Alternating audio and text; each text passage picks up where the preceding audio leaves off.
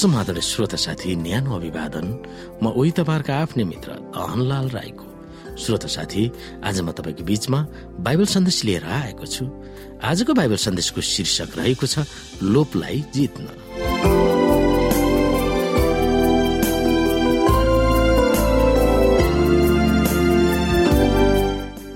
श्रोत साथी लोप लालच भनेको घमण्ड गर्नु स्वार्थीपना हुनु आफ्नो भाउ खोज्ने जस्तो प्रवृत्ति हुनु जस्तै हृदयको चलखेल हो। कतिपयले यो चर्तिकला देख्दैन न त आफैले पनि त्यसप्रति सजग भएको थाहा हुँदैन। त्यसै कारण त मानिसमा हुने त्यो दुर्गुण घातक र धोकापूर्ण छ।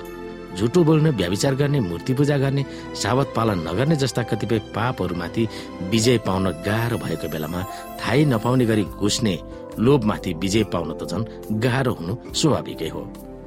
ती पापहरू बाहिर देखाउने पापहरू हुन् त्यसको लागि पहिले हामीले सोच्नु पर्दछ तर गलत सोचहरू जुन अचानक पनि आइपर्छ त्यसलाई नियन्त्रण गर्नु झन् कति कठिन छ। हामीले यहाँनिर एक कोरन्थीको दश अध्यायको तेह्रलाई हेऱ्यौँ भने यहाँ हामीलाई के प्रतिज्ञा दिएको छ लोकको सन्दर्भमा त्यसलाई बुझ्न किन महत्वपूर्ण छ? मानिसलाई आइपर्ने परीक्षा बाहेक तिमीहरू अरू परीक्षामा परेको छैनौ। परमेश्वर विश्वासयोग्य हुनुहुन्छ उहाँले तिमीहरूलाई तिमीहरूका शक्तिदेखि बाहिरका परीक्षामा पर्न दिने हुने छैन तर परीक्षाको साथसाथै मुकाउने बाटो पनि बनाइदिनु हुनेछ। यसरी तिमीहरू त्यसलाई खप्न सक्नेछौ।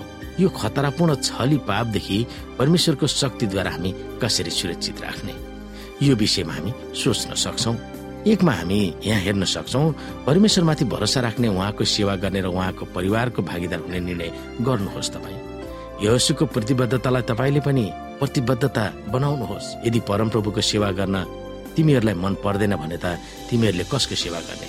आजै तिमीहरूले रोज कि तिम्रा पिता पुर्खाहरूले युफ्रेटिस नदी पारी पुजेका देवी देवताहरू कि तिमीहरू अहिले बसेको देशका एमेरीहरूका देवताहरू? तर म मेरो घरानाले परमप्रभुकै सेवा गर्नेछु भनेर यसो चौबिस अध्यायको पन्ध्रमा लेखिएको छ। यसै गरी हामी हेर्न सक्छौँ दुईमा दिनदिनै प्रार्थना गर्ने बानी।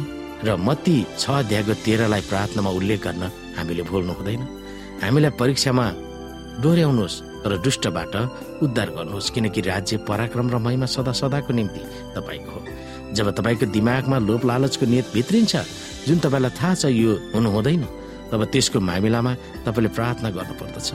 यहाँनिर एक कुरन्ती दश अध्यायको तेह्र र बाइबलका अरू प्रतिज्ञाहरूलाई दाबी गरेर त्यसमाथि विजय पाउन हामीले प्रार्थना गर्नुपर्दछ। तिनमा नियमित बाइबल अध्ययन गर्नुहोस्। तपाईँको वचन मेरो हृदयमा सजाइराखेको छु ताकि मैले तपाईँको विरुद्धमा पाप नगरौँ भनेर। भजन सङ्ग्रह एक सौ उन्नाइसको एघार पद। मानिसमा आउने पापको समस्यालाई यसले सामना गर्नुभएको थियो। हामी परीक्षित हुने सबै परीक्षा वा प्रलोभनहरूमा उहाँलाई पनि फसाउन खोजिएको थियो। त्यसको सामना गर्ने यसुले प्रायः जसो रातभर पितासँग प्रार्थना गर्नुभएको थियो। जबसम्म हाम्रो निम्ति उहाँ अनुसरणीय उदाहरण बन्नु भएन। तबसम्म उहाँले यस पृथ्वीलाई छोड्नु भएको थिएन। उहाँको भावनामा प्रेरित भएर बस्ने र उहाँको बाटोमा हिँड्ने प्रत्येक व्यक्तिलाई शक्ति सम्पन्न गराउनु भएको प्रतिज्ञा उहाँले गर्नुभएको थियो।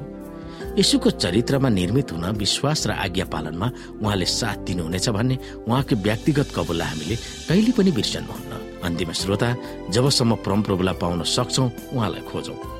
उहाँ नजिक हुनुहुँदा नै उहाँलाई भेट गरौँ। दुष्टले आफ्नो बाटो र अधर्मीले आफ्नो विचार त्यागोस् र परमप्रभुतिर फर्कोस् र उहाँले त्यसमाथि कृपा गर्नुहुनेछ। हाम्रो परमेश्वरतर्फ त्यो फर्कोस् र उहाँले त्यसलाई सित्तैमा क्षमा दिनुहुनेछ भनेर यसै या पचपन्न अध्यायको छ र सातमा लेखिएको छ।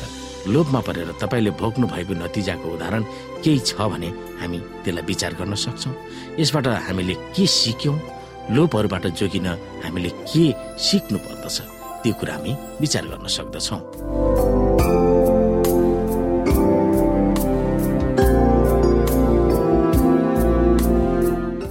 श्रोता साथी आजको लागि बाइबल सन्देश यति नै। हस्त नमस्ते जय मसिंह।